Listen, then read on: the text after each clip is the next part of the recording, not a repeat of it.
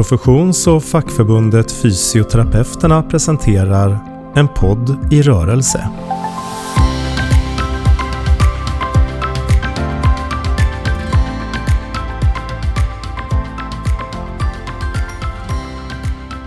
Hej och välkomna till en podd i rörelse, fysioterapeuternas egen podd. Eh, idag kommer jag att prata med Kjell Ivarsson som är nationell cancersamordnare. Välkommen Kjell! Tack så jättemycket! Det eh, ser fram emot att ha ett samtal med dig här för cancer och cancerrehabilitering är ju områden som eh, jag blev färdig sjukgymnast, ja det är så länge sedan nu så jag vill knappt prata om det, men i början på 90-talet. Eh, och sedan dess så har det ju verkligen skett förändringar inom det här området och har det gjort inom många andra områden också. Eh, vårt uppdrag inom cancer och cancerrehabilitering har också förändrats över den här tiden. I, Idag så är det fler som överlever cancer och det är fler som lever längre tid med konsekvenserna av cancer.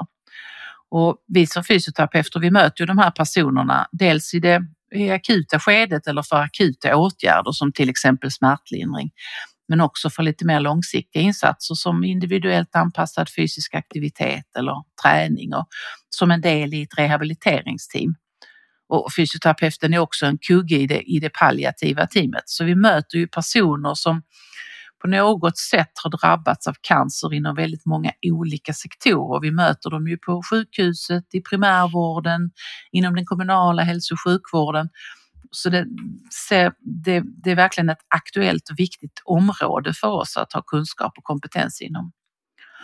Och där kan man ju se att vårt kunskapsområde har växt. Det växer fortfarande och det finns idag betydligt mer kunskap och forskning om hur fysioterapeutiska insatser kan göra skillnad än vad det gjorde då för 15-20 år sedan. Det finns, vi har ungefär vi har 21 specialister inom onkologi, fysioterapeuter som då är specialistfysioterapeuter inom onkologi. Och det tycker vi är en lite låg siffra och vi tycker också att det är en ojämn fördelning över landet för majoriteten av dem finns i Stockholm. Och så det här är ett specialistområde som, där vi skulle behöva ha betydligt fler fysioterapeuter som arbetade. Och vi ser också att det behövs fler vidareutbildningar för fysioterapeuter som vill arbeta inom området. Och det här är ju frågor som du brottas ganska mycket med Kjell. Absolut. Ja, jag, jag skulle tänkte inför jag ska presentera det här så kollade jag på LinkedIn och du är ju en, eh, du har ett långt CV om vi säger så. Så nationell cancersamordnare, du är läkare, du har arbetat som chef och som hälso och sjukvårdsdirektör. Är det någonting som jag, jag antar att det är någonting som jag glömmer, men någonting som jag glömmer som du tycker är viktigt inför det här samtalet? Nej, men jag tycker att eh, jag började ju en gång som sjuksköterska och eh, så liksom eh, verkligen den nära omvårdnaden från början. Och det är jag väldigt stolt över att jag började där och eh, sen har så att säga gjort min resa genom hälso och sjukvården så som jag har gjort. Mm. Eh, och sen när jag var läkare så arbetade jag mycket runt så att säga området som var min specialitet kirurgi och då var det ju mycket cancer. Och det var ju så pass länge sedan så att på den tiden var det ju faktiskt inte så mycket man kunde erbjuda om det inte var direkt ett bot man kunde ge med kirurgin. Mm. Eh, och jag har haft ett eh, stort antal samtal med patienter och närstående där man tyvärr inte kunde göra så väldigt mycket mer än erbjuda någon typ av palliativ behandling.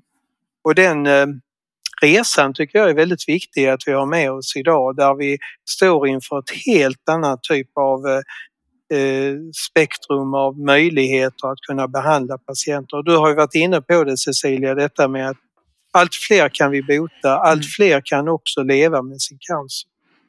Så att eh, det kommer vi väl till att återkomma till men jag tycker i, i mitt tidsperspektiv så är detta jätteviktigt och ibland mm. brukar jag göra en time-out för att se tillbaka vad har hänt de sista 10-15 åren för det tror jag vi får göra för det händer så väldigt mycket snabbt och då ser vi att vi verkligen är i en förändring när det gäller cancervård.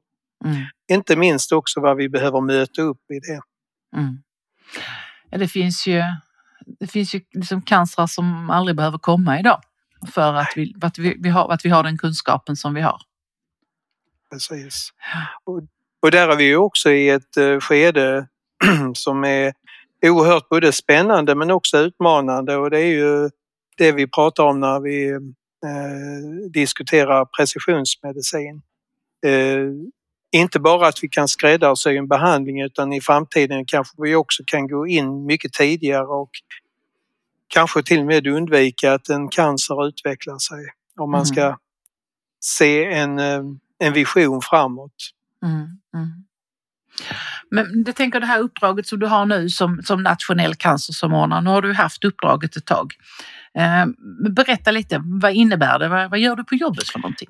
Ja, vad gör jag en vanlig dag kan man säga.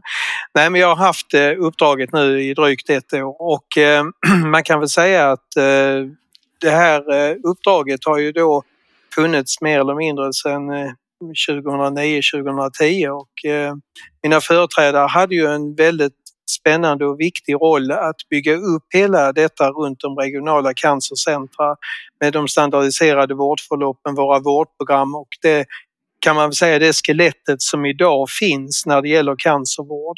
Mm. Eh, så att jag ser väl lite grann i min roll här nu att eh, fortsätta att eh, utveckla cancervården och då har vi ju våra utmaningar och där min roll som cancersamordnare är jätteviktig och det är den jämlika vården. Hur ska mm. vår kunskap om det vi kan göra komma alla våra patienter till gagn? Det är ju en sida på det och eh, den andra delen som jag tycker är oerhört viktig det är att finnas med i nätverk i sammanhang där vi och på olika sätt kan föra in cancervården. För det är också ett mål som jag har haft att eh, cancervården måste komma mer in centralt i hela hälso och sjukvården. Mm. När den har börjat byggas upp en gång så var det, och vi är långt framme i väldigt mycket om man jämför andra typer av sjukdomsgrupper, men samtidigt har det också blivit ett spår som behöver gå in och, och kopplas ihop med resten av hälso och sjukvården. För det är så mycket kommunikativa kärl när det gäller eh, cancervården som överlappar andra delar. Mm. Mm. Sen har jag ju ett stort och viktigt uppdrag och det är ju att vara ordförande i den regionala eller RCC i samverkan som är då eh, de sex RCC:nas chefer tillsammans med medicinska rådgivare och stödfunktioner som eh, mer eller mindre kan man säga tar beslut runt vad som ska göras och hur det ska göras utifrån de överenskommelserna som vi har från eh, departementet och regeringen när det gäller cancervården i Sverige. Och det kan man väl säga att det är ganska unikt att ha en överenskommelse i en sjukdomsgrupp och kunna omsätta det och vara ett stöd ut i regionerna.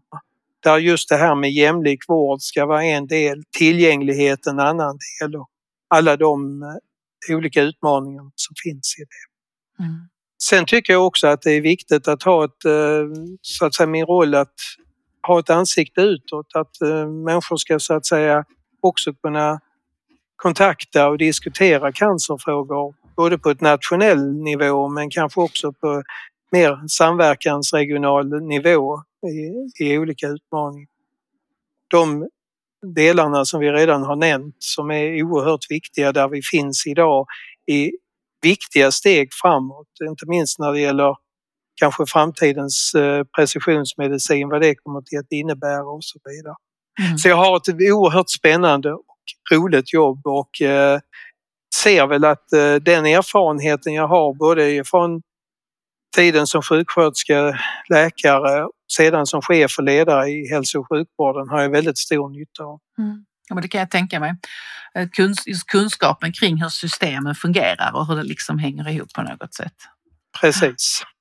Men du, hur hänger det här med, med RCC, hur hänger det ihop med kunskapsstyrningen?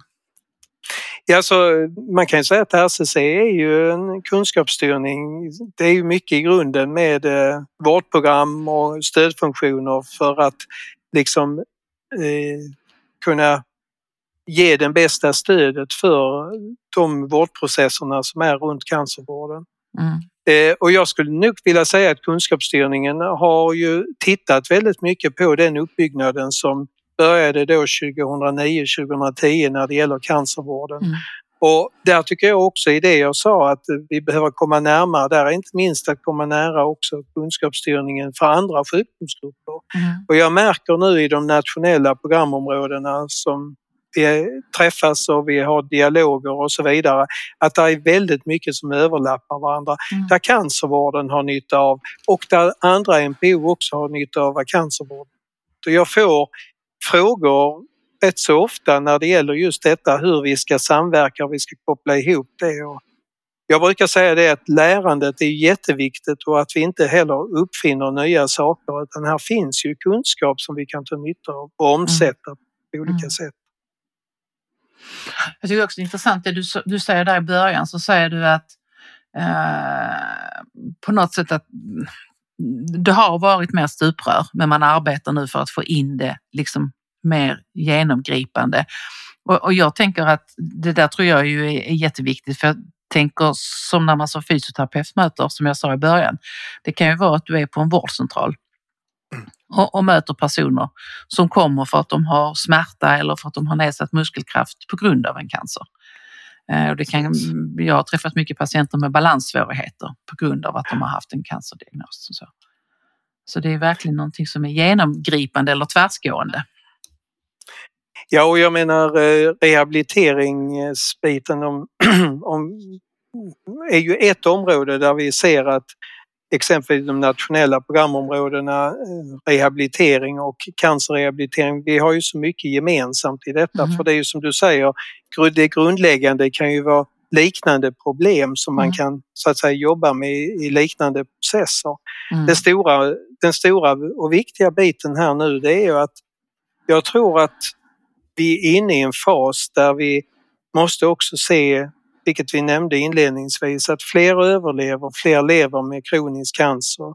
Och om vi börjar med de eh, patienter som kanske i tidig ålder genomgår en, en, eh, en tuff cancerbehandling så har ju egentligen inte man riktig kunskap vad som händer i senförloppet och där behöver vi ju liksom ha en kunskap i detta hur vi fångar upp det. Det är inte säkert att det är hälso och sjukvården som är den stora mottagaren för detta utan det kan ju vara andra delar i vårt samhälle.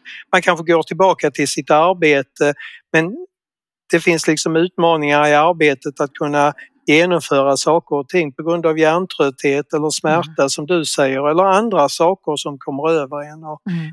eh, där är ju jätteviktigt också när vi ser framåt nu och jag är så glad att vi har nu både så att säga gjort en uppdatering av vårdprogrammet för vuxencancerrehabilitering och om en liten stund, alltså i slutet kanske av nästa månad, så kommer också vi till att kunna presentera ett nytt vårdprogram när det gäller barncancerrehabilitering. Mm. Och där är det också ett väldigt viktigt spann mellan att vara kanske barn och har genomgått en behandling eller tidigt vuxen. Det är inte mm. samma sak som att vara mitt i livet eller när man är äldre. Och alla de perspektiven behöver vi ta hand om och då är det väldigt bra att vi kan luta oss tillbaka till vårdprogram men det viktigaste är ju att vi implementerar dem, använder dem, följer upp det hela. Mm, mm. Jag förstod det. Jag pratade med Therese Leijon på Ung Cancer. Ja. Eh, då pratade vi just om det här. Eh, att det finns liksom en, på något sätt en förutfattad bild om hur en person med cancer är att det är en, ofta en äldre person och att det liksom är vissa, vissa förutsättningar. Man har en bild av hur det är. Eh, och många av dem som är medlemmar i deras nätverk eller förening eh, möter ju detta. Vilket gör att det blir svårt. För att de kommer med helt andra frågeställningar. De kommer liksom med den, med den unga människans problematik och bemöts som en äldre person. Så det, jag kan förstå att det liksom klaschar ibland och då är, det ju viktigt att diskutera det här. Och jag tyckte när vi eh, har ju arbetat tillsammans, Ung Cancer och eh, RCC eh, och i november månad hade vi en heldag med en workshop där vi just lyfte upp de här sakerna. Mm. Inte det medicinska utan det som är kanske de mer mjuka värdena om man uttrycker sig så. Mm. Och där såg man ju att det var ett gap mellan vilka förväntningar som som patient och närstående hade i förhållande till vad kanske vården uppfattar som det viktiga. Och där är det ju bland annat som du nämnde här att, att det är ju en sån sak som att vågar jag, vågar jag bilda familj? Kan jag bilda familj? Mm. Eh, vågar jag satsa på en utbildning? Orkar jag läsa en utbildning och så vidare? Eh, och där, där tycker jag det är så oerhört viktigt att vi är väldigt öppna och möter upp de här sakerna. Jag tycker detta är ett väldigt bra exempel på hur vi behöver kanske till och med ställa om i tankarna mm. när det gäller cancerrehabilitering framåt. Det är inte alls det som vi många gånger förväntar oss utan det här är helt andra frågor som vi behöver vara beredda. Och kanske vi är inte bäst i hälso och sjukvården att svara på dem. Det är kanske andra som vi behöver få hjälp att, att eh, stödja de frågorna som kommer. Mm, mm, mm. Intressant. Men du, eh, du pratar om nationella vårdprogram, vi pratar om RCC. Det finns väldigt mycket sådana här olika eh, ska säga, dokument eller strategier och strukturer. Och en annan sån är ju en cancerstrategi där det då pågår en, en revidering av den befintliga nu, det jag tänker nu, det skulle vara intressant att höra hur alla de här strukturerna hänger ihop. Eh, men också några, några, lite kort om cancerstrategin som den som finns och vad, vad hoppas du på i den nya cancerstrategin när den blir färdig? Ja, men bara för att göra lite tillbakablick, för det är ju, jag brukar säga så att det finns egentligen några dokument som är jätteviktiga som ger ramarna för cancervården. Och eh, cancerstrategin som egentligen eh, beslutades runt 2009 har ju varit en väldigt viktig, skulle jag säga, ledstång för att vi har kunnat utveckla cancervården på det sättet mm. som vi har gjort. Alltifrån som du sa med vårdprogram, standardiserade vårdförlopp, stödfunktioner och, och verkligen vara ett, en kunskapsstöd i detta, bildandet av de sex RCC och så vidare. Eh, men saker och ting händer ju här på vägen och 2018 gjorde man ju en viss eh, vad ska man säga, uppdatering av cancerstrategin. Men vi är framme nu där vi behöver så att säga titta mer eh, på nya saker. Cancerrehabilitering utan tvekan. Mm. Patientens ska man säga, medverkan i vården har ju också förändrats och den kommer att förändras mycket mer och där tror jag att det är viktigt att cancerstrategin ska kunna bära detta. Och mm. Nu har man gjort en genomlysning och man har tittat på styrkor och svagheter i den som finns. Och de svagheterna behöver man väl täcka upp och jag ser att det är områden som det här med patientens delaktighet, cancerrehabilitering, palliativ vård som vi behöver också tänka om när det gäller hela både begreppet och vilken typ av vård detta kommer att gälla. Och sist men inte minst också precisionsmedicin som kommer in och kommer till mm. att ha en betydelse i detta. Så min förhoppning är ju att vi tar in de här perspektiven och att vi har en så att säga en långsiktighet. Jag tror långsiktigheten i, i detta strategiska dokument är oerhört viktig. Mm. Eh, så att vi fortsätter att ha den som en, en, eh, en ledstång i utvecklingen av cancervården.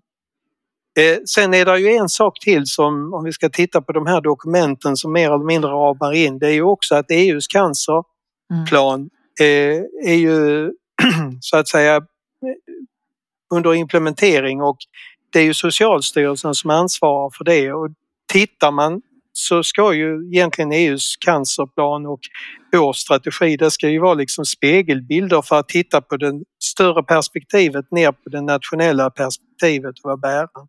Mm. Sen är det ju ytterligare, det är ju att eh, det finns en överenskommelse, årlig överenskommelse mellan departementet, alltså regeringen och SKR eh, när det gäller cancervården. Och eh, den ska ju då vara mer, om man pratar taktisk, för att kunna omsätta de här sakerna. Eh, och sen har ju RCC också gjort eh, en eh, plan framåt och den heter ju Vägen framåt som också ska så att säga vara stödjande för helheten när det gäller cancer. Eh, cancer, eh, både behandlingar och, och utveckling av behandlingsmetoder.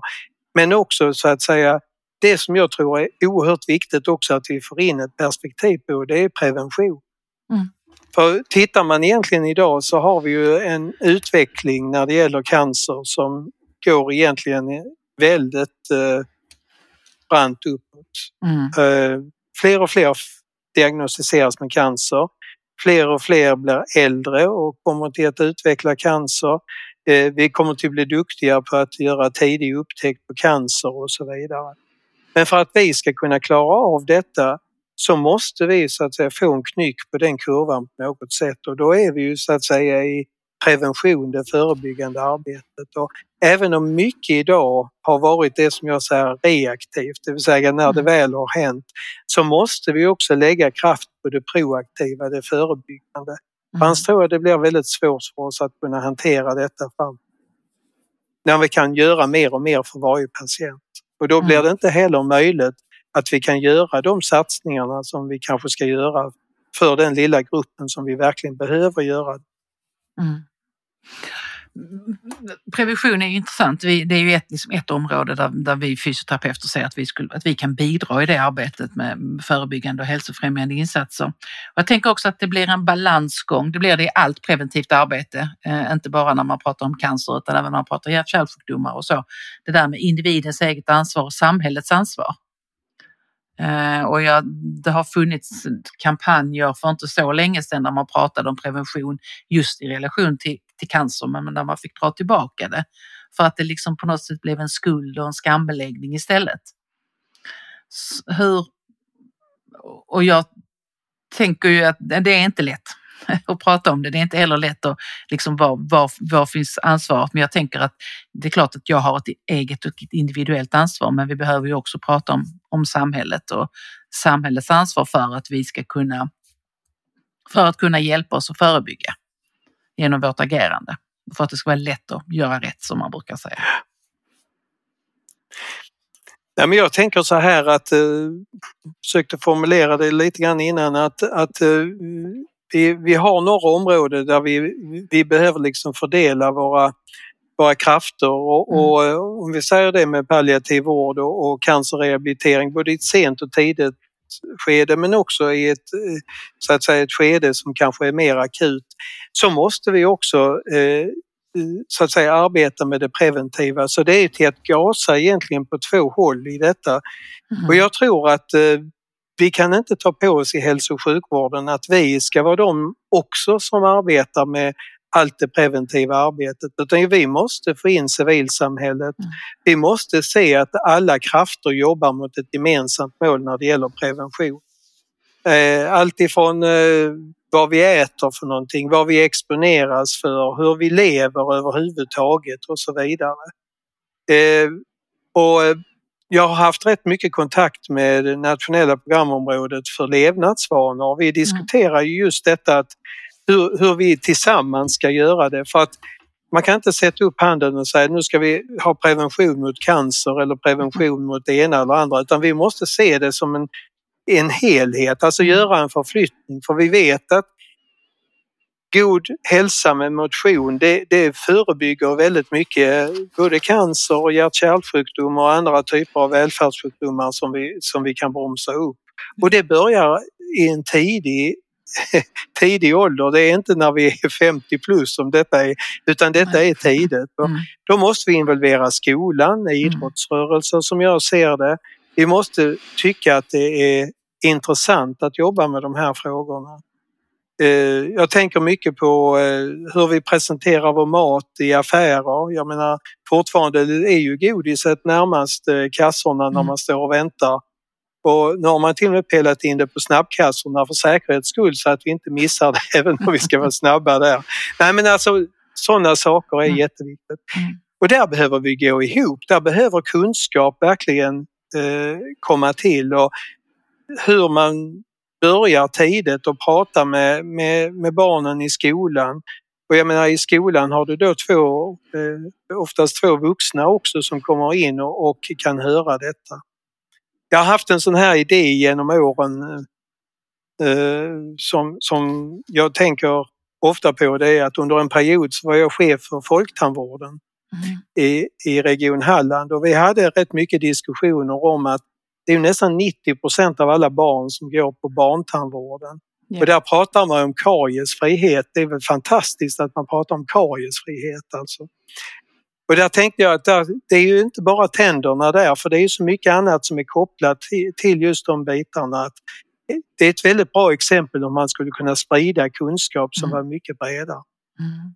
Men jag tror att vi behöver liksom tillsammans jobba ihop detta och allt ifrån levnadsvanor till vikten av att, göra, att röra sig till hur vi, hur vi överhuvudtaget lever. Och det är ju också den psykiska ohälsan som vi vet också drar med sig oerhört mycket. Så att eh, här är ett område och, och eh, jag skulle vilja säga att det tror jag också kommer till att komma in tror jag, i strategierna framåt, hur vi, hur vi ska jobba med det. Mm, mm. Ja, jag var med i ett, i ett förarbete. Socialstyrelsen håller på att titta på ett, ett, ett program för barn och ungas hälsa, hälso och sjukvård, någonting sådant. Och då gjorde de ett förarbete och då tittade vi bland annat på precis det du säger kring tandvården. Och då såg vi det att är det, är det någonstans där barnen har en regelbunden kontakt så är det just med tandvården. Den finns redan. Den skulle man kunna använda i betydligt större utsträckning. Uh, och sen det jag tänker också utifrån det andra du säger, det är helt, du, du har helt rätt liksom i att det behövs, det behövs en bred samordning och det behövs breda beslut och det behövs en tydlighet.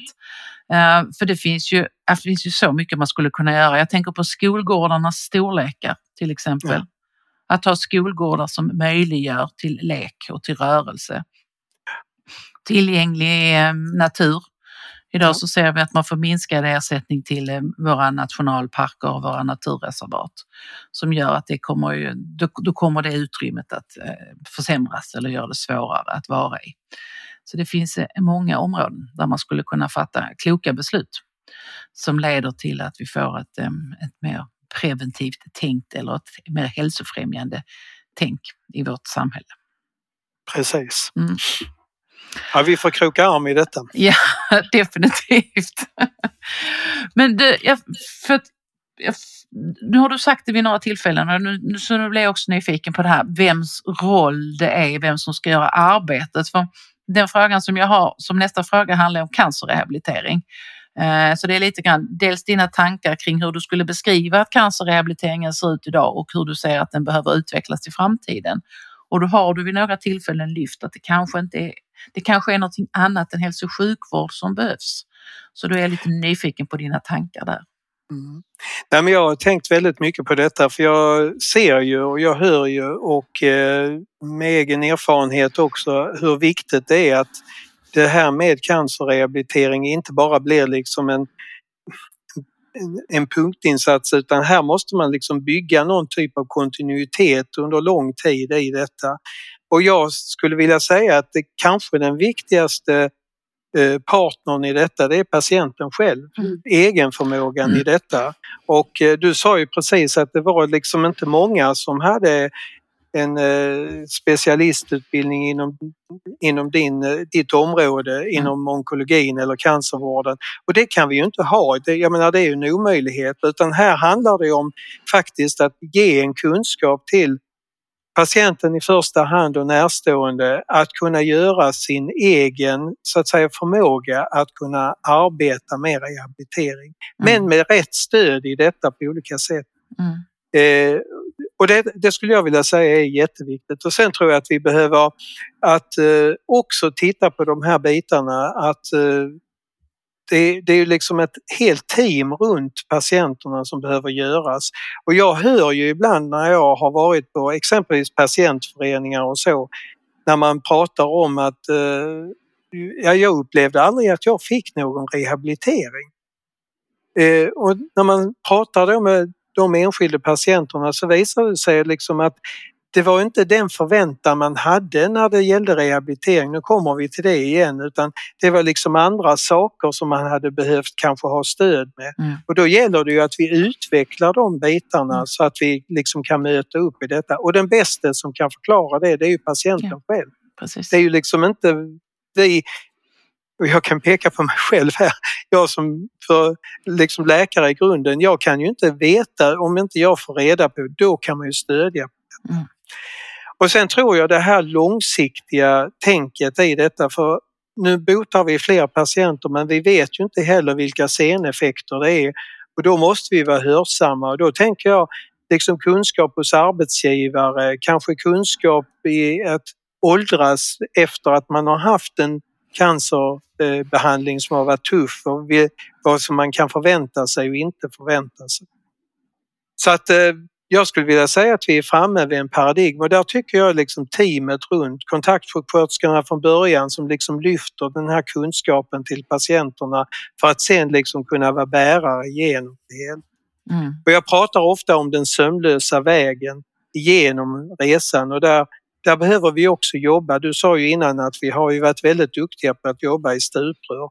Nu är det dags att vi jobbar i det horisontella läget och, mm. och liksom ser hela resan från början till slut. Eh, lite grann att gå från vård till hälsa. Eh, mm. vi var inne på det här med det sekundärpreventiva som också är viktigt att man från början pratar om. Det är ingenting som man kan liksom ta i ett sent förlopp utan det måste komma in och gå från det reaktiva till det proaktiva. Det här mindsetet att göra det. Och sen kan inte vi inom hälso och sjukvården, vi kan inte göra allt utan patienten är ju den viktigaste partnern återigen i detta och det behöver vi. Jag tror vi behöver göra den flytt. Vi behöver våga släppa taget mm. och säga mm. att liksom, det där klarar du av. Det är helt okej okay att du vad heter, gör detta. Mm, mm. För det blir som en... Hur, hur skulle du säga, um, om vi skulle liksom bedöma, nu, nu, nu, brukar jag, nu tänker jag prata om personcentrering. Eh, och när man ställer frågan hur utvärderar vi om vi arbetar personcentrerat, då brukar man alltid få svaret, ja det kan du inte fråga vårdpersonalen om, det behöver du fråga patienterna om. Eh, och nu kommer jag ändå ställa den frågan till dig. Eh, men lite grann liksom hur, hur, vad är dina tankar och erfarenheter kring hur vi frågar patienterna idag och hur vi samspelar? Om vi nu tänker oss att, för när jag tänker på cancerrehabilitering så tänker jag liksom att det är en av, tänker kanske att det är en avgränsad period. Jag tänker att man har en rehabiliteringsplan och då vet man ju att då är det cancerrehabilitering jag har fått. Men jag förstår också att det kan vara så mycket mer, att det kan vara över, över längre perioder.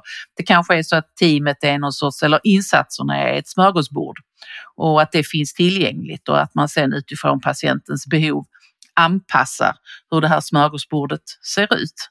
Ehm, och så vet jag inte om det fungerar idag. Så dels liksom, skulle, hur skulle du bedöma att personcentreringen ser ut idag och skulle du bedöma att det liksom finns tillgång till de här delarna i smörgåsbordet? Jag tror delarna finns till stor del. Jag tror den stora utmaningen är att kanske inte man har kunskapen att det finns alla gånger. Det blir mm. liksom punktinsatser igen, det blir lite fragment av det hela. Eh, och då vill jag säga att all personal, hela teamet gör alltid sitt bästa i detta så mm. det är inte där det hänger utan jag tror det måste bli just det där med du säger personcentreringen, det är att verkligen involvera patientens egen förmåga i detta. Mm. Det är som jag ser det. För att vi är väldigt duktiga i vården att ge. Vi vill ju ge väldigt mycket. Mm. Och det kanske vi ska fortsätta naturligtvis att göra men det är kanske inte det vi ger idag som är kanske den viktigaste gåvan utan det som vi behöver göra det är att ge kunskap. Hur kan jag själv göra den här förflyttningen så att jag möter eller till och med kan undvika att komma i de här situationerna. Och det är även om man möter professionella människor till att kunna hantera det så kan vi är bara de händerna vi är så att för att få den stora och viktiga kontinuiteten i detta det är ju att man själv kan och får det och då tänker jag att det finns om man ska titta framåt och, och kanske ha eh, ett perspektiv på kanske fem år eller något sådant så kommer det här med exempelvis egenmonitorering till att utvecklas mer. Man gör mycket mer utifrån hemmet. Och kanske att man får bara en typ av lite stöd när man inte liksom kan eller kan gå vidare i det utan den stora biten det finns liksom i detta vad patienten själv kan få för återkoppling av de verktygen som finns. Eh, för teknik, tekniken finns till stor del utan ja. här handlar det nog att vi använder den. Sen tänker jag också att eh, vi, vi behöver också liksom eh, vara duktiga på att utvärdera vad vi gör för någonting för vi är duktiga på att utveckla och implementera både vårdprogram och, och processer på olika sätt men också att, att vi utvecklar, eller eh, i den utvecklingen att vi också följer upp och ser vad som är är bra och det som är mindre bra. Mm. Och jag tänker på det, vi har gjort mätningar när det gäller standardiserade vårdförlopp och patientens upplevelse, för den är ju jätteviktig. Eh, och där är ju, vi ligger ju högt eh, verkligen på, på många parametrar men det är två parametrar som sticker ut som ligger lägre än de andra. Och det är delaktighet och involvering. Mm. Eh, och där tror jag att vi behöver jobba mycket mer med detta på, på olika sätt.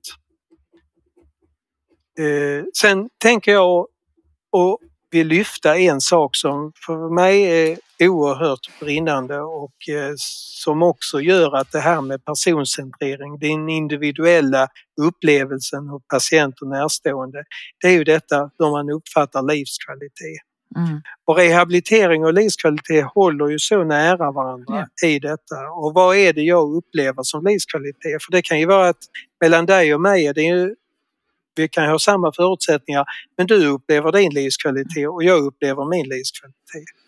Och där tror jag vi behöver vara väldigt hörsamma och säga liksom att vad är det du behöver för att du ska liksom kunna få det som gör att du kan uppleva ändå att du har en livskvalitet i, i ditt liv även om du har varit tufft eller är mitt inne i en tuff period eller att någonting liksom kommer på långt efter att du har varit igenom en cancerbehandling. Mm.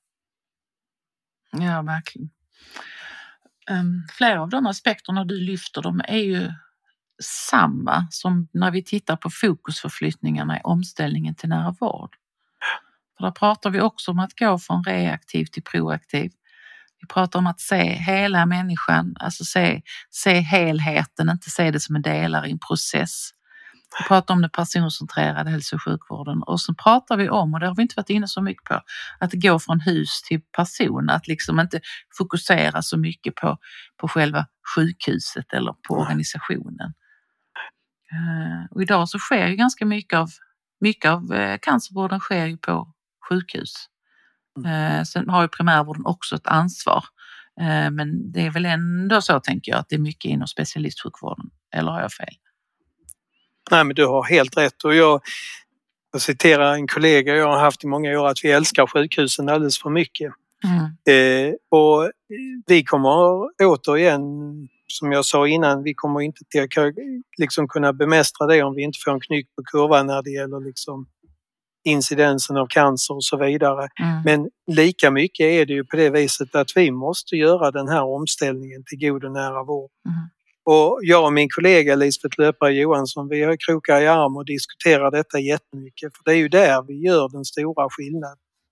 Och patienternas välmående, det vet vi ju, att kunna vara i sin hemmiljö mm. eller kunna existera även om man kanske bara jobbar några procent om dagen på sitt arbete.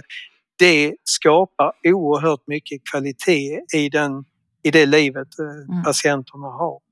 Så att eh, det här är liksom kanske den riktigt, riktigt viktiga kärnan att jobba vidare som jag ser det. Mm. Och då måste vi ta bort hinder på olika sätt som gör ibland att i olika huvudmän eller att vi liksom ser att det finns liksom ja, barriärer på olika sätt. Alltifrån att eh, dela information, data eller så. Och där, där tror jag att vi behöver jobba väldigt mycket med de, de bitarna också. Så att säga. Mm, mm. Sen tänker jag också att jag vill också slå detta med eh, slaget med att det finns väldigt många goda exempel och det är en av mina käpphästar också som nationell cancersamordnare att få en spridning på de här goda exemplen. Mm. Och jag tänker just nu så finns det ju en satsning i den överenskommelsen mellan, mellan regeringen och SKR där vi eh, extra har satsat 100 miljoner på cancerrehabilitering där vi ska titta på initiativ, hur vi kan samverka, utveckla processer. Allt detta du och jag har pratat om Cecilia. Mm. Och jag vill slå ett slag att verkligen se till nu att, att komma in med ansökningar om just detta och gärna en bredd också att kanske kunna titta på det här sömlösa mellan kommuner och regioner i, i det man kan. Mm. Eh, jag tycker det, det ska bli oerhört spännande och sen att man kanske också kan framåt göra eh, så att säga goda exempel och bredda införandet av, av det som, som man har testat. Mm. Det är väl en jättebra uppmaning, tänker jag, till de som lyssnar att eh, passa på att söka medel för att arbeta vidare kring det här. För vi har, nu har vi, vi har pratat en del liksom kring det här med rehabiliterande och förebyggande insatser och vi ser ju att det är saker och ting som behövs. Och det jag kan tycka att jag ser att det är det här liksom att man fattar kortsiktiga beslut men med långsiktiga konsekvenser. Eh, så att det, det, är också någonting som man behöver fundera, fundera vidare på. Och jag tänker just kring, kring helheten, att liksom, som vi har varit inne på, att man, man ser till möjligheten till, till, till rörelse genom på skolgårdar eller man ser liksom på, på maten i skolan. Att man, att man, och det finns betydligt fler aspekter där man skulle kunna arbeta med levnadsvanor. Men du eh, Kjell, jag tänker att vi har kommit fram till den sista här. Jag tror att vi skulle, vi kanske blir en podd två, för det känns som att vi har mycket att prata om. Det skulle glädja mig jättemycket för jag tycker detta är så oerhört viktigt för här kan vi göra skillnad. Mm. Och jag tror liksom det jag sa också med eh, eh, de goda exemplen så ser vi ju att det finns saker som, som kan göras, inte så mycket, kanske inte kostsamma medel eller något sådant utan här handlar det om att tänka i detta på olika sätt. Mm. Så att, eh, hemskt gärna vi kan fortsätta med den mm. dialogen. Hur sprider du goda exempel idag? Förutom liksom din personliga berättelse när du träffar folk och så. Jag försöker uppmuntra verkligen att man tar fram från norr i, i, i Norrland till söder i, i söder. Eh, och att liksom uppmuntra till att sprida detta på olika sätt. Och jag håller på att säga en av de sakerna som jag försöker själv, det är när jag ser någonting, att lägga mm. ut de exemplen. Det finns så jättemånga och, och jag tycker ibland att vi inte behöver uppfinna hjulet igen utan det finns redan lösningar. Men eh, vi måste våga liksom ta en annans lösning och göra den liksom möjlig. Mm. Så det tycker jag är jätteviktigt och det kan jag uppmuntra också medarbetare som gör ett jättebra jobb att vara inte blygsam att sprida de här sakerna för det, det gör skillnad för våra patienter i slutändan. Mm. Mm. mm. Vi, vi, brukar avsluta med en fråga ifall man var minister och nu fick du ju, nu har jag skrivit i papperna här både socialminister och sjukvårdsminister men jag tänker när vi pratar så är det nu socialminister du skulle vilja vara va? Ja, och det är kanske både och. Kanske både och. Vilket vi kan ändra, för det kan man ju göra också om man är minister i regeringsställning ja. så kan man ju ändra hur många det kan man, göra, man vill. Det kan man göra. Ja, precis. Men du är också lite allsmäktig i den här rollen då. Eh, vilka beslut skulle du fatta för att cancerrehabilitering ska vara en naturlig del av vården för de personer som drabbas av cancer?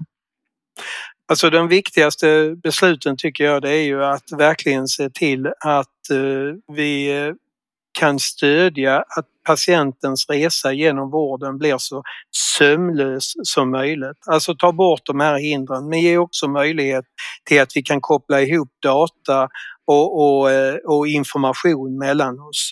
Så inte patienten behöver många gånger eh, till och med själva den bärare av information som inte behövs i detta. Det skulle mm. jag tycka var en väldigt prioriterad fråga. Sen tycker jag också att man måste se till att, att kunna anpassa sitt eh, liv efter eh, en tuff behandling. Antingen att man har en kronisk cancer eller att man på olika sätt är botad av sin, eh, eller för sin cancer. Och det skulle jag också vilja göra, att vi har en arbetsmarknad som tillåter att man kan komma tillbaka, att jobba. Det är kanske inte att man kan jobba heltid men med den kunskap som finns, det skulle vara ett väldigt vinna-vinna koncept för mm. vårt samhälle, tycker jag. Ja. Och sen slutligen, slutligen så tycker jag också att detta med, med prevention måste prioriteras och att alla har ett ansvar att jobba med prevention och uppmuntra verkligen att det som man kan göra för att vi ska kunna ha en hållbart liv, det, det tycker jag är oerhört viktigt. Genom att reglera saker och ting som kanske många gånger är motsägelsefullt. Mm. Nu var det tre önskningar, jag fick kanske bara en men jag passade Nej, på nu vet du. Du är allsmäktig i din roll som ja. socialminister. Alltså. Nej, men det, men det, det, är väl de, de sakerna som jag tänker ja. eh, först. Mm. Ja, vilka bra grejer. En digital infrastruktur värd namnet. Eh, prevention. Och när det gäller arbetslivet så vet jag att det finns, eh, jag har jobbat inom neurologi eh, stor del av mitt yrkesliv och där finns många patientgrupper där som också skulle önska ett mer flexibla möjligheter på arbetsmarknaden. Så det är nog fler än eh, många som skulle bli glada för ett sådant beslut. Och jag menar, vi, har, vi vet ju att vi kommer till att få en brist av kunskap och kompetens. Så att varje timme vi kan tillföra en kompetens så ska vi kunna göra det. Mm. Det tycker jag känns viktigt. Mm. Tack så hemskt mycket Kjell. Tack för ett jättetrevligt samtal. Tack för att jag fick vara med. En podd i rörelse presenterades av Fysioterapeuterna.